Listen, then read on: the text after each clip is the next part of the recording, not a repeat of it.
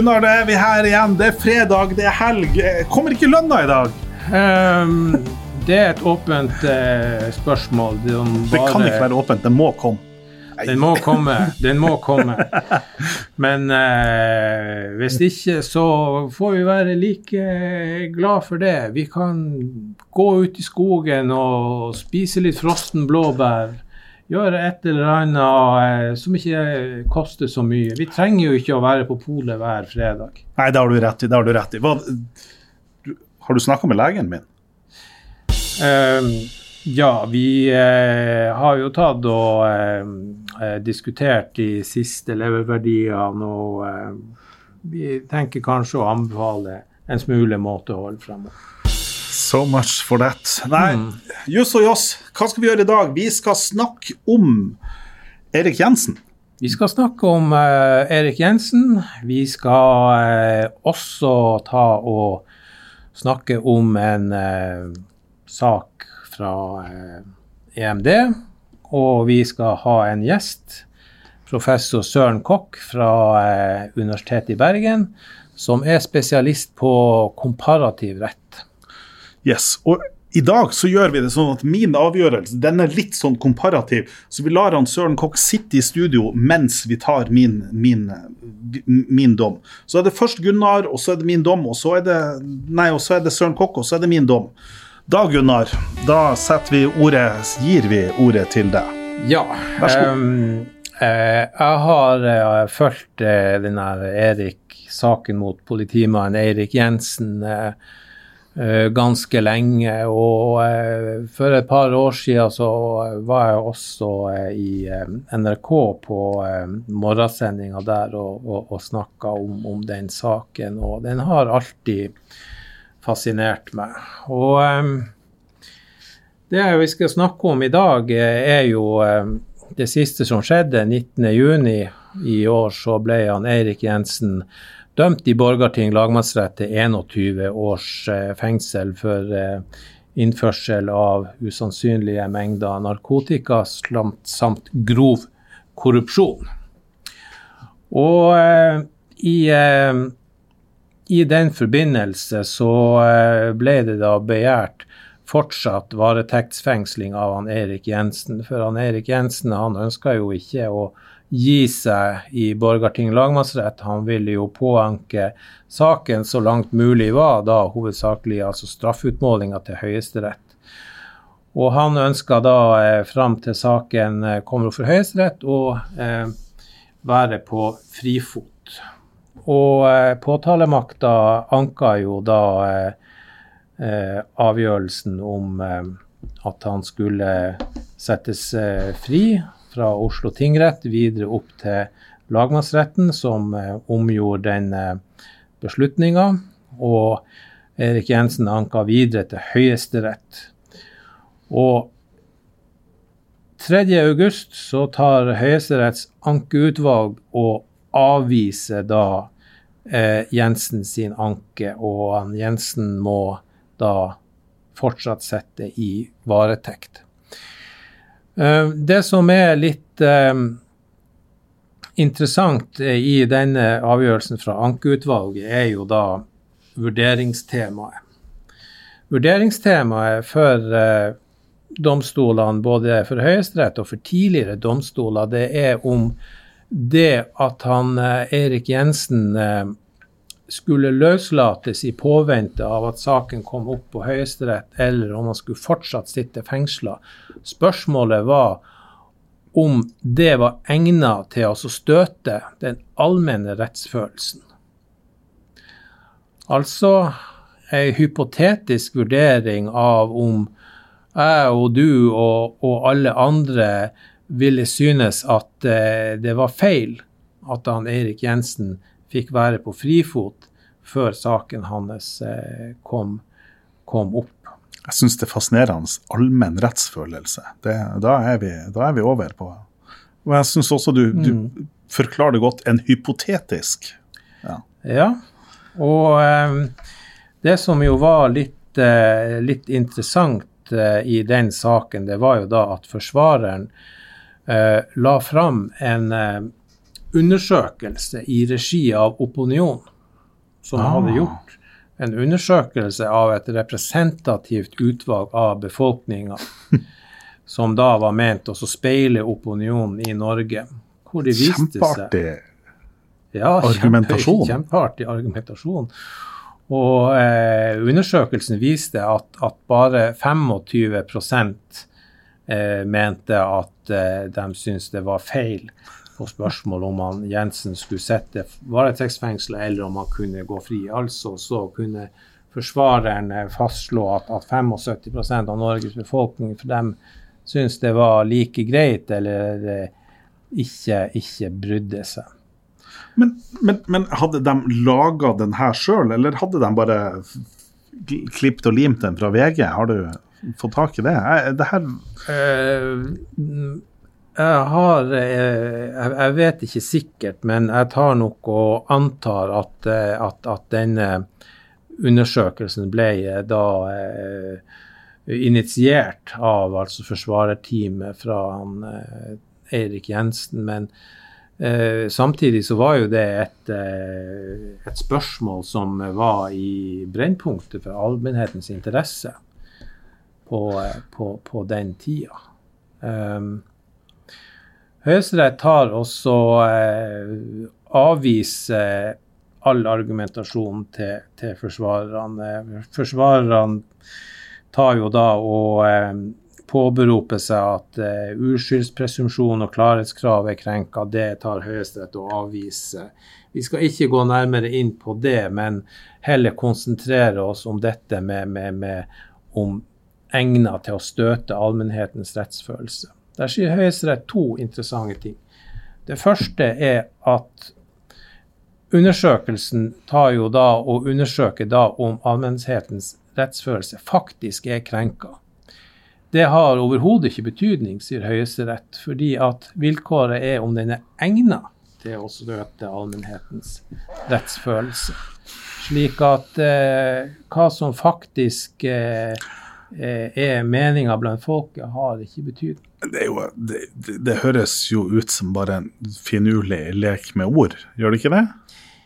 Ja Det, det, kan, det kan hende, det. Jeg tar og For, jeg, for, jeg, for jeg, tenker, jeg tenker Hvis man på en måte ser på trusselreglene, så er det jo sånn at sant, spørsmålet om, om noe er en trussel, så er det vel spørsmålet om det er egnet til å framkalle en alvorlig frykt, og ikke hvorvidt den personen faktisk opplevde en alvorlig frykt. Så så høres ikke det ut som en ja, ja, det er samme type regel. Ja, men det er klart, men det er jo en, på en måte en, en type rettsteknisk regel. Eh, ja, kanskje det, det, kanskje det er en samme type regel. Ja, Gunnar, bare fortsett. Du har tenkt mer på det her enn meg. Ja, øh, Høyesterett Ja, har jo Høyesterett også. eh, og sier, eh, sier mange, mange andre ting. Og eh, det som de tar oss og underbygger eh, avgjørelsen eh, med, er jo Eirik det alvorligheten i det han har gjort. At han har alvorlig undergravd eh, da eh, eh, politiet sitt arbeid og, og har gjort et tilfelle av ganske massivt tilfelle av, av grov korrupsjon. Slik at eh, eh, å løslate han ville da ta og så eh, undergrave tilliten til rettssystemet, er da eh, Høyesterett sin, eh, sin, sitt argument. Syns jo Og- at det er et godt argument. Men det er jo kanskje fordi at jeg Det- kanskje jeg tilhørte 25% det vet jeg ikke. Ja, det kan hende det og sånt. En annen ting som vi skal merke oss, er at Høyesterett sier i forhold til denne opinionsundersøkelsen, så sier de at eh, å legge vekt på en sånn undersøkelse, det ville undergrave de rettsstatsverdiene som eh, f.eks. Eh, EMK bygger på. Så det ville innebære fullstendig undergraving av eh, rettsstatsverdier om man skulle kunne gjøre slike opinionsundersøkelser og la dem få betydning i eh, spørsmål om varetektsfengsling av enkeltpersoner. det har de jo kanskje et, et, poeng i når en hva man skal si, hverdagskriminell person tar og skal avgjøres om han skal fortsatt væretaksfengsles eller ikke, så, så vil han kanskje ikke ha et forsvarerteam som backer han opp med opinionsundersøkelser. akkurat. Nemlig. Og da er vi over på et spørsmål om likhet for loven. Ja. Og, og, at det Høyesterett gjør gjennom den her, det er jo mm. hindre, mm. hindre at kjendisforbrytere og andre mm. som, som er en særlig stilling, ja. de skal ha fordeler. Det er det riktige. Og det tar og eh, bringer meg over i et sånn lite sideblikk til hele Jensen-saken. Og eh, det handler om, om, om likhet for loven. Um, nå skal vi ta og legge på bordet da først en, en tilståelse. Og uh, tilståelse er jo viktig i straffesaker. Og uh, det var jo to parter i denne saken. Det var Cappelen, som var den uh, hardkokte narkotikaforbryteren.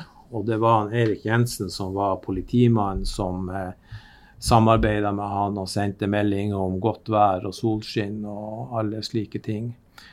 Og som da visstnok eh, da mottok penger for å eh, la det her eh, passere. Slik at eh, vi må eh, i det her ha i minne da at han Eirik Jensen Eh, eh, han var ikke tiltalt bare for denne narkotikaforbrytelsen, men også for grov korrupsjon. Erik Jensen han fikk 21 eh, års fengsel. Narkotikaforbrytelsen var jo eh, veldig grov, slik at eh, han Cappelen var jo også da sto overfor eh, å få en, grov, en, en lang, lang fengselsstraff. Mm. Cappelen fikk eh, 13 år. Og årsaken til det, det er at Cappelen fikk eh, strafferabatt på 13, 30% Ja. Og eh, det som er litt sånn eh, mitt poeng oppe i det her, det er jo da at årsaken til at Cappelen fikk disse eh, rabattert bort 30% av straffen, det var at han Cappelen samarbeida med politiet og inkriminerte seg sjøl. Ja. Det er jo det som er godbiten, at du får rabatt på straffen hvis du begår selvinkriminering. Ja. Og det tar og, og leder oss opp i et dilemma, fordi at Cappelens selvinkriminering la grunnlaget for Erik Jensen sin strenge straff. Ja. Om noe de var, hva vi sier, sammen om. Ja. For det var Cappelen sin narkotikainnførsel som la grunnlaget for Jensen sin korrupsjon. Ja. Og da, eh, da svirrer det et sånn lite dilemma ute her. At eh, Cappelen sin initiativ til å innføre usannsynlige mengder narkotika medfører at han får rabattert sin straff og det hva vi si, årsaksmessig førte jo da til Jensen sin korrupsjon. Så det du altså sier, det er at hvis man vil innføre usannsynlig mengde mm. narkotika, så bør man se om man klarer å få med en politimann på laget. Mm. Og hvis man klarer å få en politimann på laget, og man så skjønner at nå blir man tatt, så tyster man på politimannen, mm. og dermed så får man halvert straffen. Ja. Det, det er i grove trekk eh, det som, det som skjer her. Og så betyr jo det også et signal, men det er jo samtidig et signal til politimannene mm. om at hvis du går med på denne dealen, mm. og man blir tatt, så må du faktisk brenne. Ja, og um, det som er en sånn ting som synger i skogene bakfor, det er at eh, påtalemakta har her et ekstremt stort fokus på alvorligheter i gjerningene til han Erik Jensen. Slik at han Eirik Jensen han skal tas så knallhardt som det er umulig å gjøre etter, mm. etter norsk lov. Fordi det er så alvorlig, det han har gjort. Denne korrupsjonen og, og, eh, undergraving av, av politiets eh, virksomhet. Slik at eh, man kan mene hva man vil, men saken får ei litt sånn slagside på fokuset til, mot han Erik Jensen. At det, er, det blir nærmest en, det blir en prestisjeoppdrag å få han dømt skyldig til så maksimal straff som, som mulig. Og dette profitterer den godeste Cappelen på og kassere inn eh, eh, strafferabatt. Til tross for at han er jo da eh, et sentralt ledd i årsakskjeden til denne grove korrupsjonen kan skje. Nemlig, for da er vi jo, er vi jo liksom over på, på altså flere forhold. Vi har Det ene er jo det grunnleggende straffbare forholdet. Og så er vi det neste, det er jo på de her bistraffbare forholdene, de, altså dette med, med, korrupsjon og dette med samarbeid og, og alt mm, det her. Mm. Og Det er jo ikke det som på en måte er hovedfokus. Hovedfokuset, grunnlaget, er jo den, den innførselen av narkotika. Mm, mm, Men her blir det de biforholdene mm. som blir ansett mye alvorligere. Mm. Det, Men, det, det, det, er det. og men du dro inn sjølinkrimineringsforbudet. Du ja. nevnte det flere mm. ganger. Eh, og, og, det kjenner vi jo fra, fra strafferetten og sånn. Mm. Hadde, hadde du hvorfor, hvorfor, la du vekt på det, Gunnar?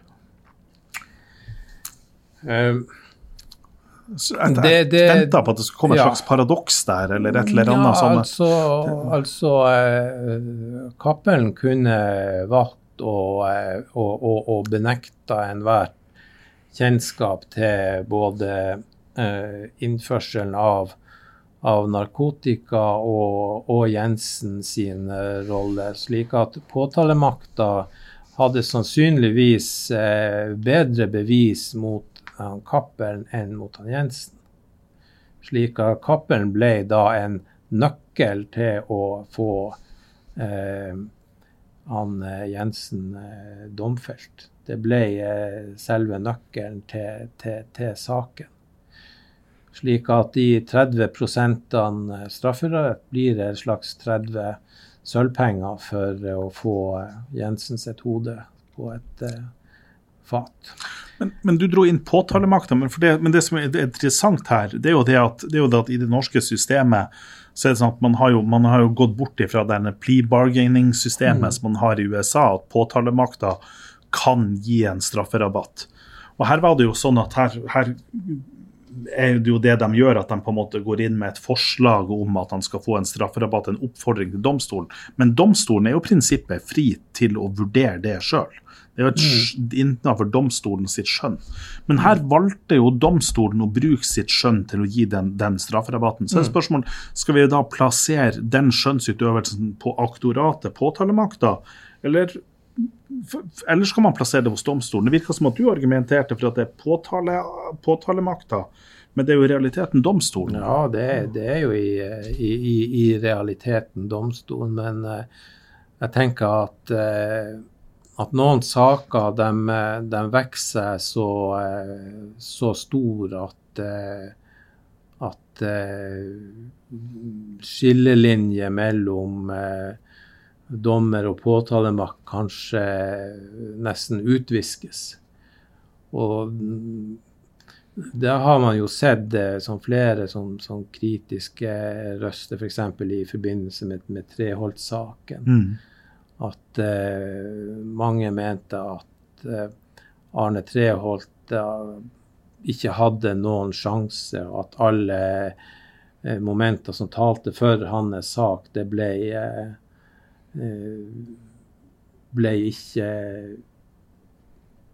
behandla godt nok. Altså at mm. den mulige tvil som kunne komme han til gode, var så å si ikke-eksisterende at det blir nesten et kollektivt prosjekt for påtalemyndigheter og domstolene å, å ta og, eh, og, bare få det her i land med, med hva vi sier, maksimalt. Eh, Men da er vi jo det her, er jo et, det her, det her høres jo for meg ut som et, som et at du går ganske langt i å angripe domstolene sin uavhengighet. Ja, Eller ikke angrip, still spørsmålstegn, det, det, det, det er ikke min mening å gjøre det overhodet. Jeg begynte det her med å si at vi må ta oss og ha på bordet X-faktoren her, at eh, Erik Jensen har gjort Han har ikke bare vært med på den narkotikaforbrytelsen, han har gjort hva vi sier er en av eh, de groveste ti- tilfeller av korrupsjon i moderne norsk eh, Mm. Og kanskje den alvorligste saken noensinne. Og det er vanskelig å, å komme utenom. Men jeg bare ønsker å touche borti noen, noen av de paradoksene, altså det dilemmaet som, som er med at eh, at han eh, Cappelen tar og så tjener på tjener, han, han tjener kanskje mye mer enn han ville ha gjort hvis vi tenker korrupsjonselementet Mm. borte. Ja. Det blir, eh, det blir, eh, det blir ei så stor belønning for, for å eh, inkriminere han Jensen Ja. at, at det er et slags det er et slags etisk dilemma. Jeg sier ikke at, at det er det, og sånt, og jeg kritiserer ikke påtalemyndigheter eller domstolens uavhengighet overhodet. Jeg bare nevner det. To små ting eh, til slutt som ikke nødvendigvis har noe med det her å gjøre. Og det er at eh, Cappelen fikk strafferabatt. Cappelen mener jeg også har god utsikt til å få innvilga to tredjedels soning. Eirik Jensen, eh, når dommen og straffen sannsynligvis blir stadfesta til 21 år i Høyesterett, eh, vil jeg ikke si har de samme sjanser til å få to tredjedels eh, soning. Men er ikke det med to tredjedelssoning er ikke det et spørsmål om hvordan de oppfører seg i fengselet, eller? Ja, det, det, det, det, det er jo det, men ikke bare det alene. Um, Det der er interessant. Det der må vi, det der Ja. må vi finne, det der må vi grave litt mer i. Ja. Tror, Gunnar, Vi er nødt til å få tak i noen som kan fortelle oss om Mm, dette mm. med to tredjedelssoning. Mm. For det er klart at dersom det er sånn at at eh, domstolen altså Hvorfor slipper noen ut etter to tredjedeler, og hva er den rettslige vurderinga? Det er klart Om Erik Jensen soner 14 år eller 21 år, det er en kjempestor forskjell, det. Det er en kjempestor forskjell. Og, um, og som en, bare en kuriositet, så um, godeste Cappelen han satt, hadde jo da på eh, domstidspunktet sittet 2348 dager i varetekt, som kommer til fradrag i, i straffen. Slik at om han får to tredjedels soning med fratrekk av varetekter som er på noe over seks år, så vil det i praksis si at han eh, eh, Cappelen er fri mann om, om la oss si ca. to år. Ja. Mens eh, Jensen, hvis han ikke får innvilga to tredjedelssoning og får stadfesta straffen på 21 år Han eh, Ute når han er 88. ja. 57, 67 78. 78. Mm. ja. Ja. Men um, hvis det er noen av lytterne våre som har jobba med Erik Jensen-saken og har lyst til å være med i Juss og Joss, så ta kontakt, så tar vi en eh, Erik Jensen spesial. Ja, det kan vi eh, gjøre. Og det, det syns jeg Det har blitt litt, eh, litt synsing og litt eh, hva man skal si eh, Åpenbar sammenligning av epler og pærer i, i, i denne saken av oss. Og det er jo ingenting som er bedre at noen tar og Snakker oss til rette. snakker oss til rette. Setter oss på plass. Leser oss eh, teksten. Så eh, det er ingenting som er bedre enn å bli korrigert.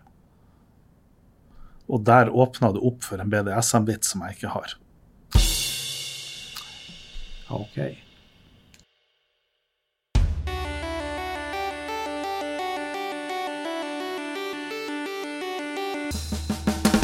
Ja, kjære alle sammen. Da eh, har vi eh, kommet fram til det som kanskje er dagens høydepunkt, som er dagens gjest.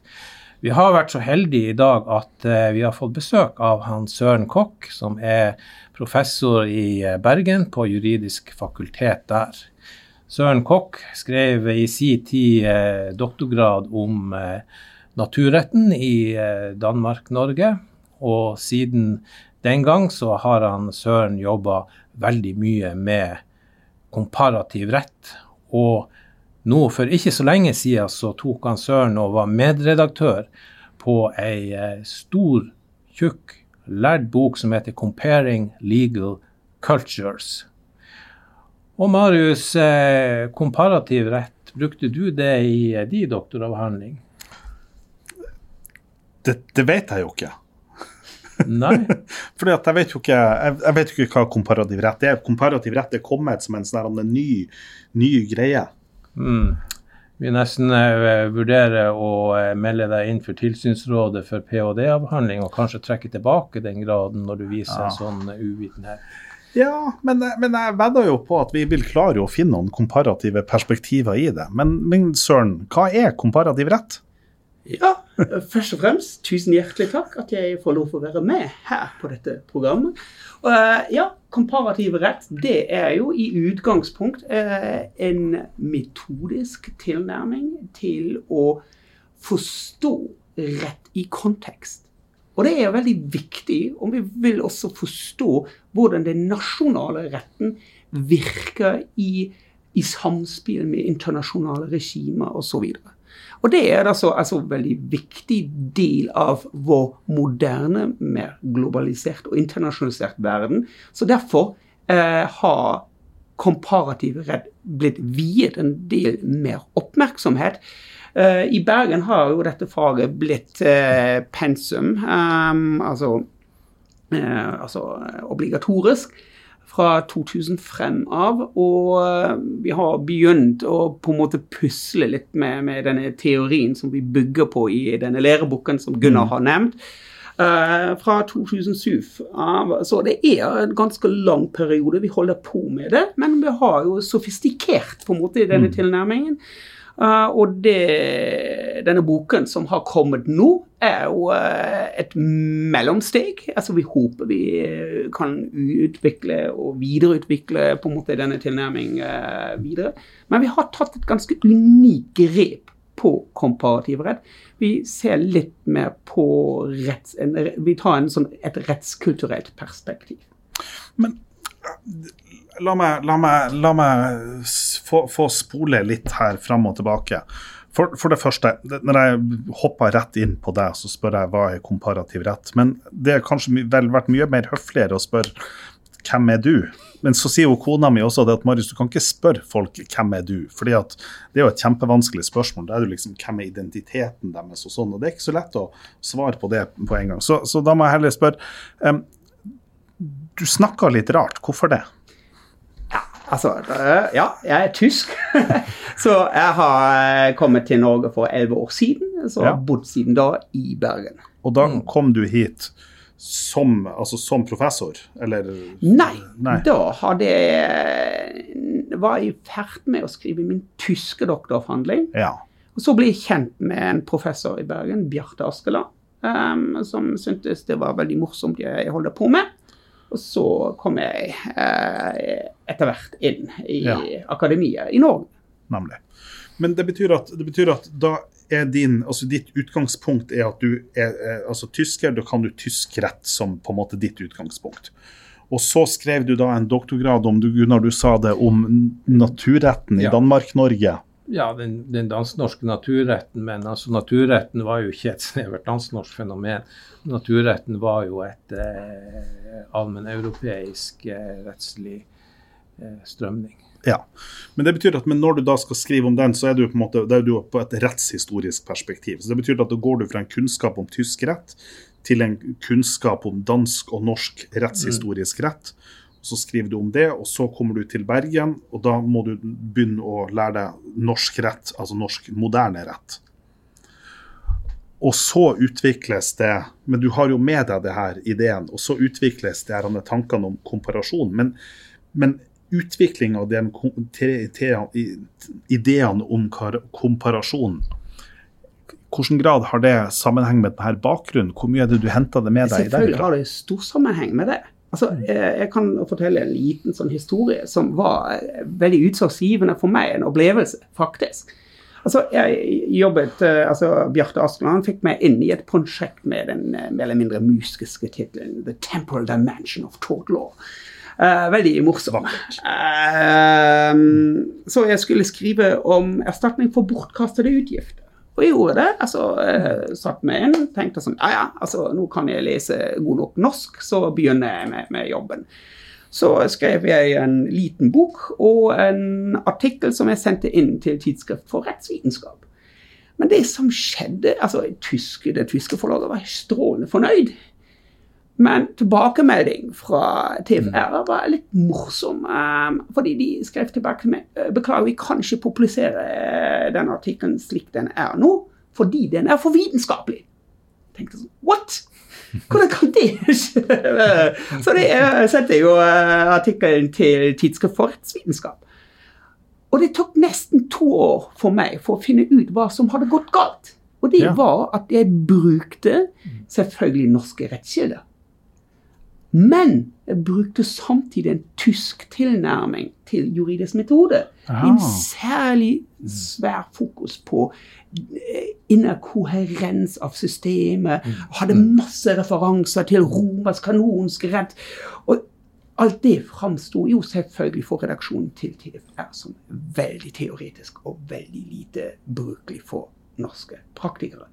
Så det er det som jeg måtte gjøre. Jeg måtte sette meg inn i den norske tilnærmingen til juridisk metode. Jeg lærte veldig mye. Ble til etter hvert eh, til og med en redaktør for en antologi, da vi sammenlignet Og her kommer jeg inn altså i komparasjon. Ja. Um, sammenlignet norsk eller nordisk eh, land sin juridisk metode med tyskspråklige land. Nemlig. Nemlig. For da begynner? For da, for da skjønner jeg fordi at, altså Jeg skjønner, skjønner stadig mer. Um, det at jeg sier at jeg skjønner, det er alltid litt sånn skummelt. For, for hva er det jeg egentlig skjønner? Det vet man jo aldri. Men dermed så ja, Dermed så kommer du til et punkt hvor dere da begynner å utvikle teorier rundt det her, og så ser på hvordan skal vi da sammenligne dette med, med, utenland, med andre, andre lands rett. Jeg bladde, jeg bladde i Ole Landos i bok fra 2009 om, om komparativ rett på, på eh, ja, den er på dansk. Men det man gjør i den boka, det er det at da får man da en framstilling sant, av dette er japansk rett, og dette er tysk rett, og dette er en veldig bredt utvalg av ulike land og ulike rettskulturer. Men så tenker jeg, men er det sånn at han Ole Lando har reist til Japan, tatt en japansk jusutdanning for å kunne framstille disse sidene om, om japansk rett? Er det, hvordan gjør man det her? Nå vet jeg ikke sikkert om Ole Lando har reist til Japan. Jeg tror det har han. Han har vært rundt i verden ganske Ja. mye. Han har faktisk skrevet et eh, forord til denne antologien som, eh, om, om eh, samling av juridisk metode, som vi har publisert i 2014. Um, så jeg kjenner ham litt. Um, men altså det er egentlig ikke det som man gjør. Uh, ofte er det som at man kan jo ikke reise i alle slags land.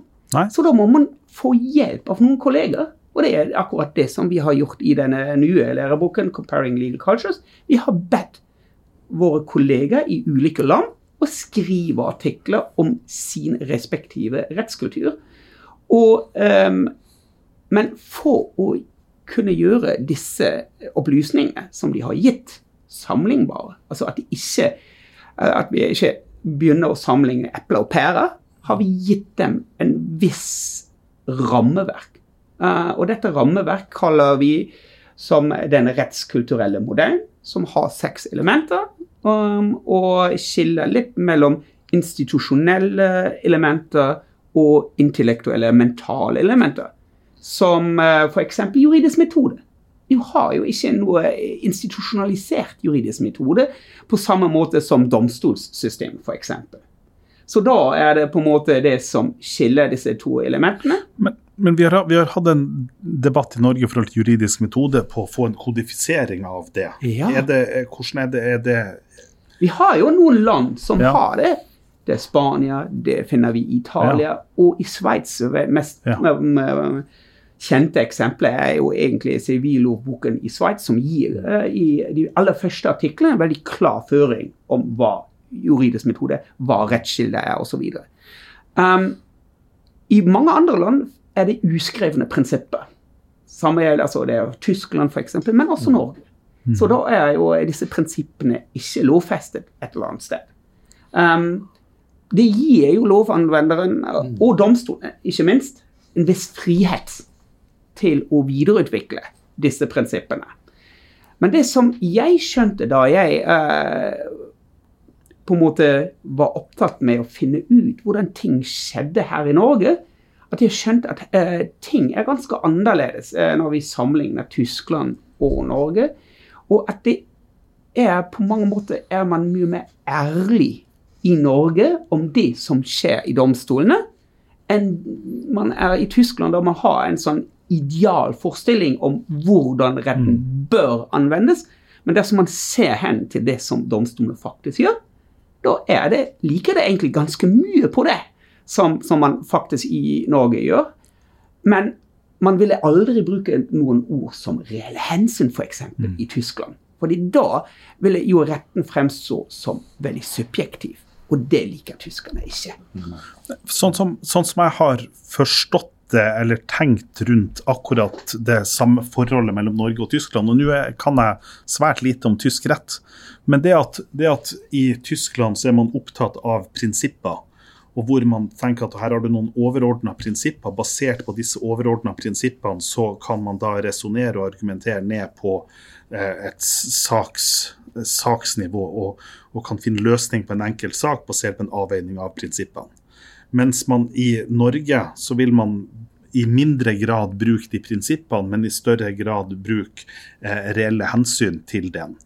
Men hvis man da gir den samme saken til en tysk dommer og til en norsk dommer, så vil de i stor grad komme fram til den samme konklusjonen, men hvor forskjellen er at den tyske dommeren vil bruke en annen argumentasjon. Jeg kunne ikke ha sagt det bedre, faktisk. altså, det er helt klart um, i, altså, det, det, er to litt ulike tilnærminger, og ofte er det veldig viktig at vi ikke ser bare på resultatet. Fordi det som du sier her, er helt riktig. Ofte er resultatet ikke være så, så stor forskjell. Men måten man kommer frem til selve resultatet, kan være ganske ulikt. Og Det er derfor ikke nok når vi snakker om komparativ rett, at vi bare sammenligner resultater. Vi må også sammenligne måten jurister tenker på.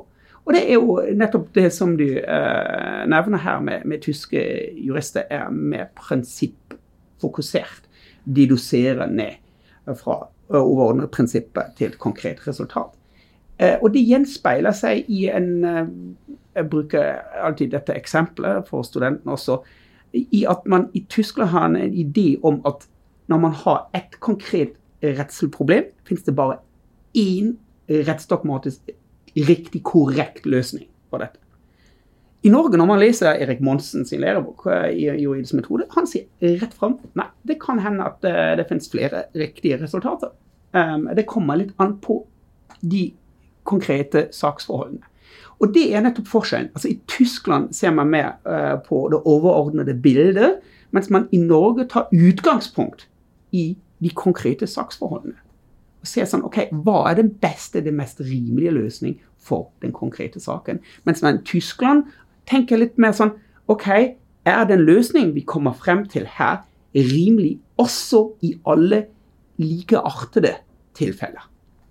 Men, men der er jo inntrykket mitt at at Høyesterett med, med, den, med, altså med den nye tvisteloven, man da sier på en måte hva det er rettsavklaring og rettsutvikling, man har fått inn de begrepene, så gjør man det at Høyesterett i større grad utvikler seg til å bli en prejudikatdomstol etter den tyske modellen, mens det på en måte kanskje tidligere var en mer eh, common law-domstol, mer lik den britiske modellen.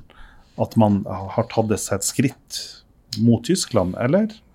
Nei, altså Her tror jeg det, det passer ikke helt. for dem. altså, I Tyskland har vi ikke prejudikatsdomstoler. Vi har nettopp, altså, valgt, Lovgiver har nettopp valgt i Og det var en sånn viss mistillit mm.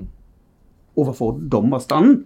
At de skulle drive med rettsutvikling etter common law-modellen.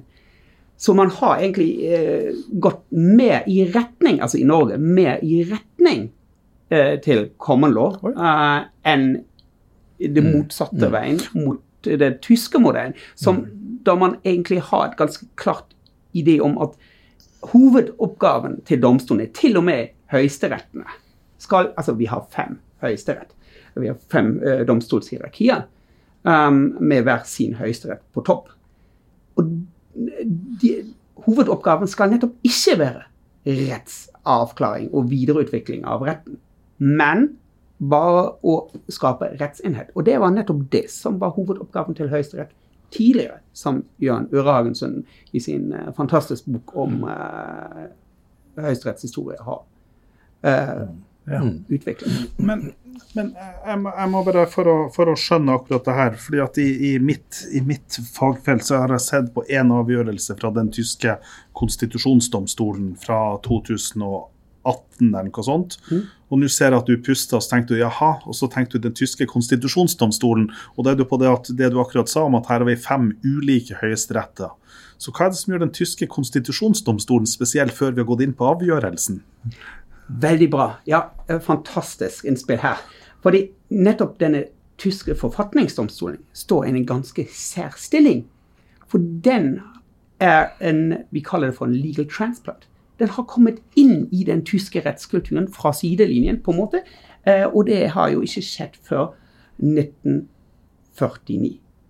Og, at, eh, altså, og selve domstolen er, har som forbilde den amerikanske Supreme Court.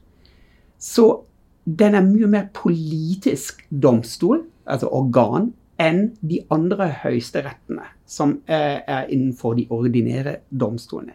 Og dette gir på en måte forfatningsdomstolen en særstilling i det tyske rettssystemet og den tyske rettskulturen. Ja, så det betyr at det å da gå videre inn på det eksempelet mitt det er jo da ikke noe poeng. sånn at I Tyskland så har man rett og slett et sånn du dualistisk system, så man kunne start comparing legal cultures innad i Tyskland.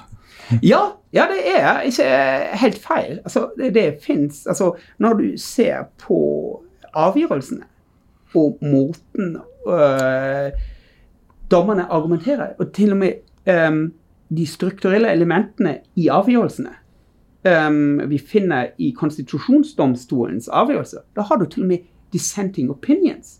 Noe som er helt ukjent i alle andre domstoler. Fordi da finnes det bare én objektiv riktig sannhet. Og Det ville vært helt forferdelig feil for en tysk jurist å si nei, altså det, det kan finnes andre oppfatninger om hva som er rett. Altså Dersom en høyesterett avsier en dom, da bør det være enstemmig, selvfølgelig, fordi det er jo en objektiv sannhet denne domstolen kommer frem til. Og det er så grunn til at disse dommer avsies innavnet av folket. Som gir jo nettopp dette uttrykk for at retten er noenlunde objektiv. Men, men altså, jeg, jeg, tenker at, at la, oss, la, oss, prøve å plukke, plukke det her ned, ned på et litt mer konkret nivå. La oss, la oss, ta utgangspunkt i en case som jeg har tatt med meg. og Da glir vi gradvis og, og halvveis elegant over i Marius' dom her. Og da har vi i motsetning til vanligvis har vi latt være å dytte gjesten ut, og vi har gjesten fortsatt i studio. Og Jeg skal ta utgangspunkt i en, en dom fra Den europeiske menneskerettighetsdomstolen mot Italia. Um, og Det som gjør denne dommen interessant i det komparative perspektivet, er at er de her rettskildene og de her tingene som brukes i avgjørelsen. Fordi at Saken dreier seg om spesialundervisning i en italiensk skole.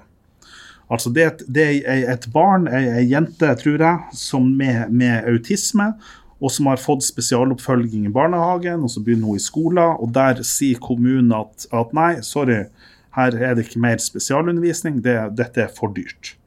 Og så krever foreldrene det her gjennom, og tar det gjennom det, det italienske rettssystemet og taper saken hele veien. Tar det inn for Den europeiske menneskerettighetsdomstolen.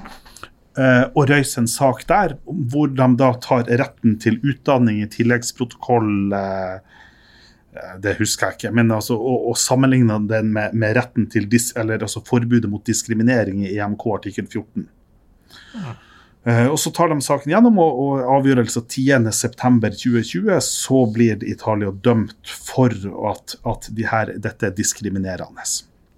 Men i denne avgjørelsen så er da det EMD da gjør, da bruker de da italiensk rett. Så bruker de den FNs konvensjon om funksjonshemmedes rettigheter, heretter kalt CRPD.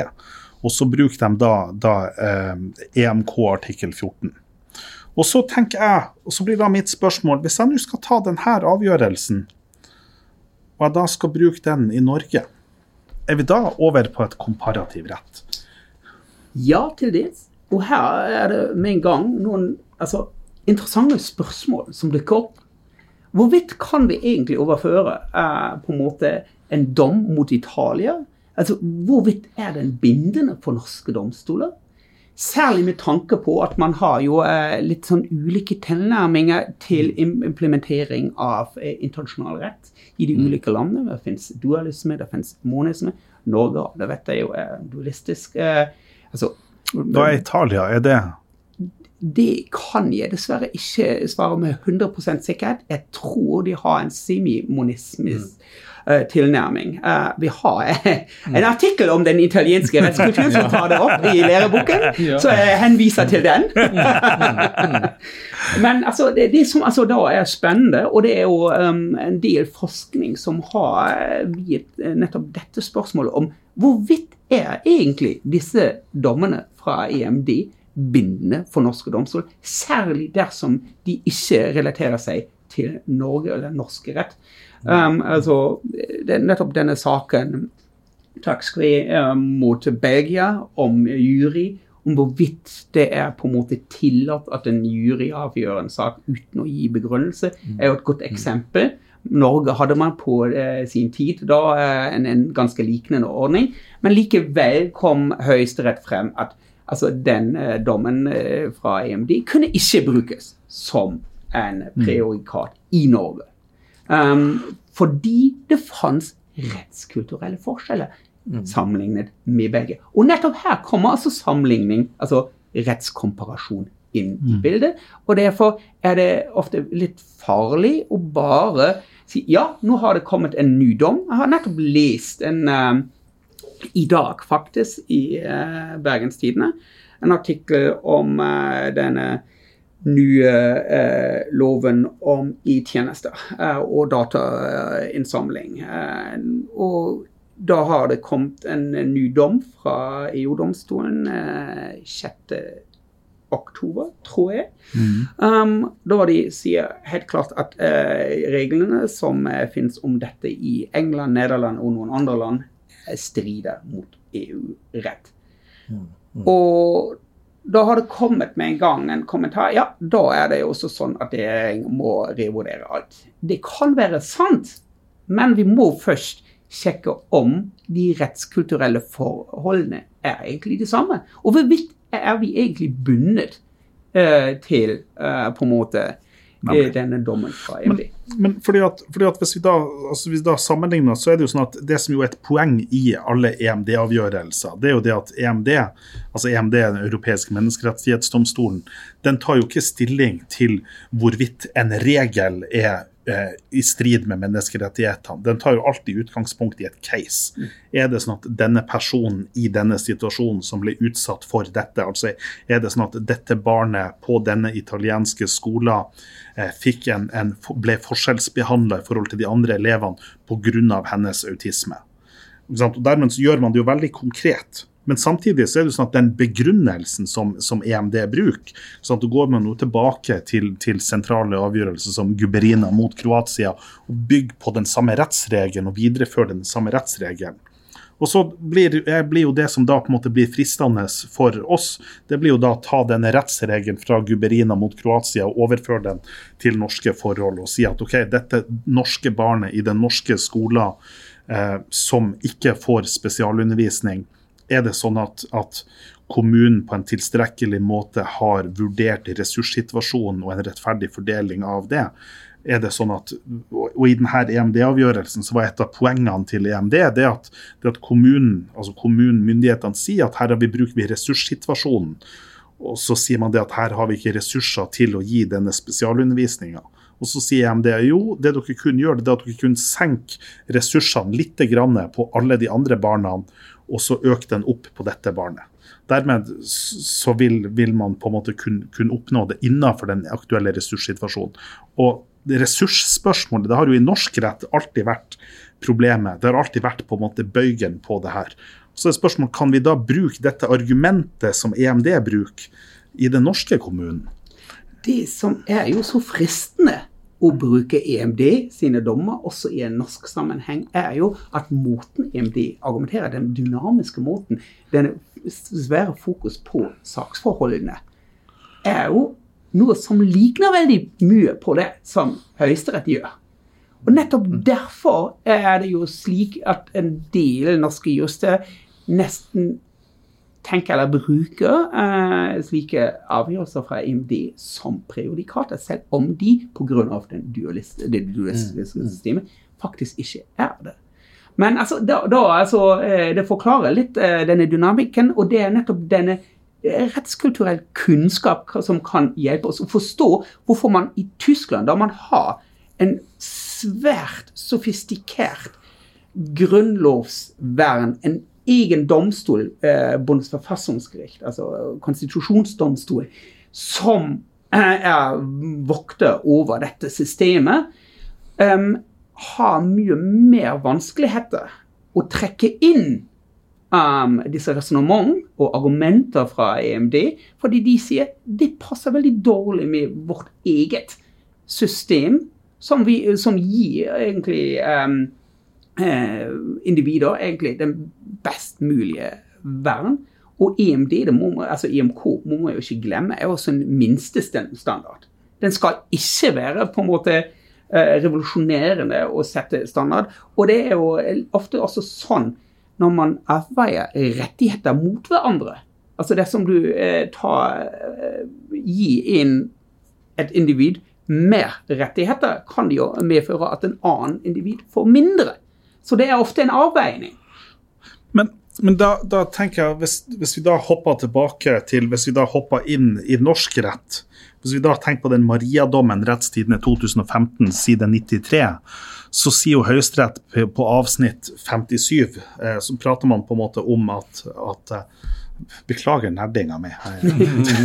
Jeg har sittet og skrevet om det her, OK? ja, ja, ja, men Maria-dommen kjenner jo alle. Ja. Men, men, for det er jo poenget, ikke sant? du får den norske nye altså grunnlovsrevisjonen i 2014, og så er det sånn at altså fra, får, fra, vi fikk menneskerettsloven i 1999, så har du på en måte fått et kjempestort fokus på EMK, EMD-rettigheter. Og så får du en grunnlovsrevisjon i 2014, og så sier Høyesterett i den Maria-dommen så sier de det at, at, når det gjelder Grunnloven, er det Høyesterett som har handa på rattet og styrer verdien av Grunnloven. Og da virker det, og det man jo signaliserer i den dommen, er jo det at, at når det gjelder menneskerettsspørsmål, så er det, så er det sånn at EMD, EMK setter minstestandarden, og at Grunnloven der er det et hakk høyere. Er det, er det, det, høres ut som det er det samme som man på, på, mange måter er det nettopp det samme resonnementet. Altså det har jo uh, vært et gjennomgående konstitusjonelt spørsmål.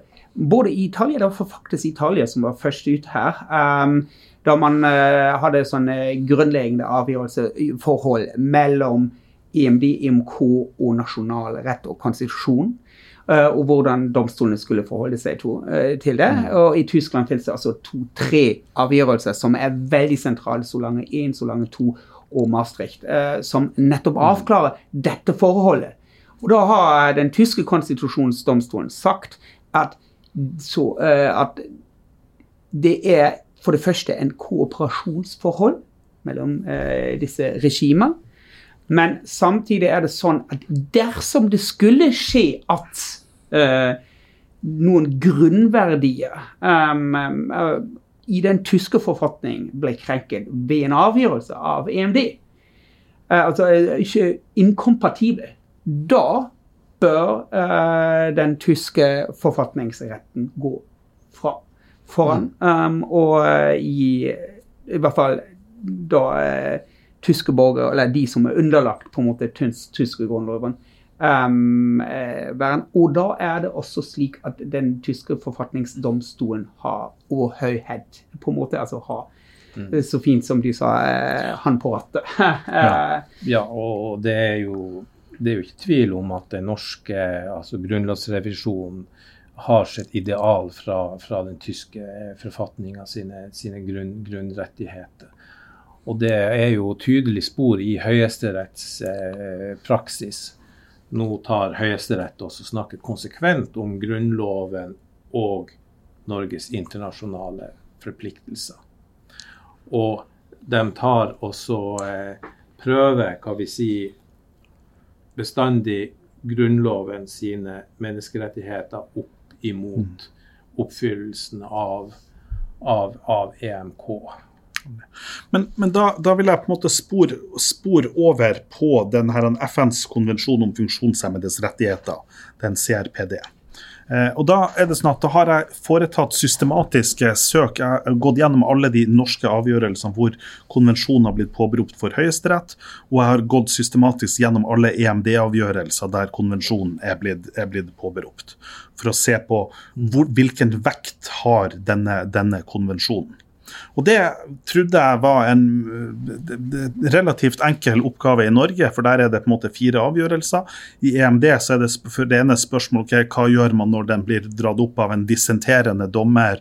Det, ble noen sånne mer kompliserte spørsmål. Men det som viste seg for meg at var det store Først så syntes det som at jeg kunne dra en konklusjon og si at ja, EMD bruker denne konvensjonen, og de tillegger den stor vekt. Og de tillegger den vekt ved tolkninga av, av, EMD. Og dermed så må man kunne si at, at, altså at, at EMD bruker CRPD. Men så ser jeg det at nei, her var det en ting jeg hadde oversett.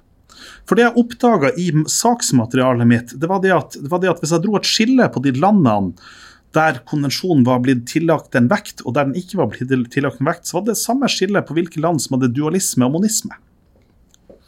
F.eks. Kroatia, som jo nabolandet til, til, Italia, det har jo da et monistisk system. Og Der er det en avgjørelse hvor EMD bruker denne CRPD-konvensjonen. Og så sier man det at her har Kroatia krenka diskrimineringsretten. Og det er denne nevnte Guberina mot, mot Kroatia. Eh, men så blir det et spørsmål hva er, hva er det man egentlig gjør her? For Italien, nei, Kroatia har da implementert denne konvensjonen. Den er gjort til en del av kroatisk rett. Og Dermed så sier EMD at ja, her har Kroatia ikke tilrettelig, altså vektlagt eh, denne konvensjonen på en tilstrekkelig måte, og dermed så er det diskriminering. Mens det samme argumentet kan man ikke bruke Norge, for at Norge har et, et, dualistisk system. Norge har på en måte bevisst latt være å gi denne konvensjonen direkte virkning. Man har til og med valgt å gi noen tolkningserklæringer. Og Det blir da spørsmålet hva er da betydninga for dette og EMK artikkel 14? Fordi at Den europeiske menneskerettighetsdomstolen bruker jo EMK artikkel 14, som jo er EMK sin diskrimineringsbestemmelse så bruker de den i, i den kroatiske saken, og da bruk, blir jo denne konvensjonen dratt inn som en del av tolkninga i artikkel 14. Og så har man den rettsregel for artikkel 14, men er den bare gjeldende i Kroatia? Er den bare gjeldende i monistiske land? Eller gjelder den også i Norge? Har EMD ulike rettsregler for ulike rettskulturer? Og da, Søren, er jeg så glad for at du er her, som kan svare meg på det her spørsmålet. Jeg kan prøve å gjøre det, men jeg, altså for det første syns jeg det er veldig spennende og det er et veldig godt eksempel på hvordan man kan bruke, og hvorfor det er viktig på en måte å ha rettskulturell kunnskap. Altså, dersom man, eh, fordi Du hadde ikke oppdaget at oi, her er det jo noe morsomt. Eh, eh, noe forskjell mellom monistiske og dualistiske systemet i sin behandling av eller, eller EMD sin. Og det er jo kanskje noe som EMD-dommerne sjøl er lite bevisst på. Um, at de gjør eh, disse tingene. Og det er jo egentlig Ofte har EMD, i hvert fall tidligere, brukt dette label, eh, rettskultur til å skjule litt kunnskap om de forholdene i det eh, vedkommende land. Så um, nå, nå, er det litt sånn at um, nå er det veldig viktig, og dersom de virkelig tar uh, Bruker på en måte interne forhold, altså om det er dualistisk eller monistisk system, som utgangspunkt for sin argumentasjon og måten de tolker IMK, da er det jo uh, mildt sagt problematisk. Så um, jeg kan ikke gi det et endelig svar på spørsmålet, men jeg kan bare si det syns jeg er et veldig eh, interessant og spennende problemstilling. Ja, jeg syns jo det, det, det, her ble uh, komplisert. og jeg må bare spørre og sånt. og Jeg sier bestandig til mine studenter at de beste spørsmålene er de dumme spørsmålene. Men, men er det altså, altså slik at Altså EMD konstaterer her at, eh, at det er et brudd på EMK eh, artikkel 14 pga. at disse kravene i eh, denne konvensjonen om funksjonshemmedes rettigheter ikke er fulgt. Og så eh, er det da et problem at EMK er gjennomført hva vi si, i dualistiske land, men i mange dualistiske land så, så er ikke denne konvensjonen om funksjonshemmedes rettigheter gjennomført. Slik at du får da altså en sånn indirekte virkning. Ja, altså, altså for, for, for, for, Jeg hadde jo håpa For det, det, har vært litt uklart, det her. Mm. Um, og så hadde, men vi da fikk denne avgjørelsen fra Italia som jeg snakka om nå, så kommer den på en måte også å bruke denne konvensjonen, så tenkte jeg kanskje det her kunne avklare det. Men så mm. er det sånn at jeg vet jo ikke om Italia er et monistisk eller dualistisk land, så jeg klarer ikke å kategorisere denne avgjørelsen. Men det EMD gjør i denne avgjørelsen, de sier på avsnitt 62 i, i min, min, engelske oversettelse, min, min, den, den, er bare så langt på fransk, sånn at det er en sånn den sånn shady engelsk oversettelse som jeg da har. Eh, men den sier det at, at når man da skal tolke EMK artikkel 14, including the CRPD, Altså at man på en måte mm. legger til grunn mm. CRPD som en tolkningsfaktor for artikkel 14.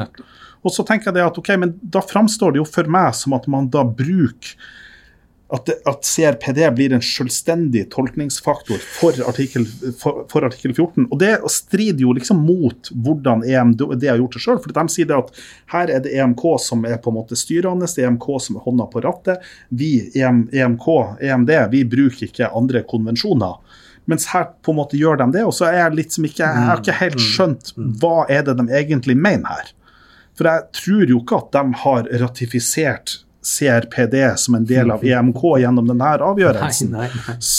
Men kan det ikke forstås i en retning av at uh, denne konvensjonen de uh, refererer til, diskrimineringskonvensjonen, er på en måte grunnlag for rettighetsstandarden de nasjonale myndighetene må relatere seg til.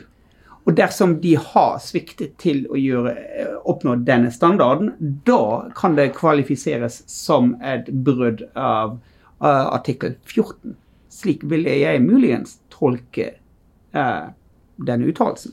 Så fra scratch.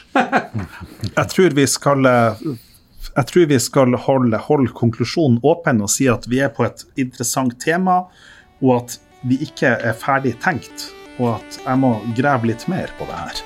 Det høres ut som en, en eh, veldig god, god, konklusjon. Jeg kjenner jo da at, at, her går det veldig mange stier som vi ikke vet helt hvor det fører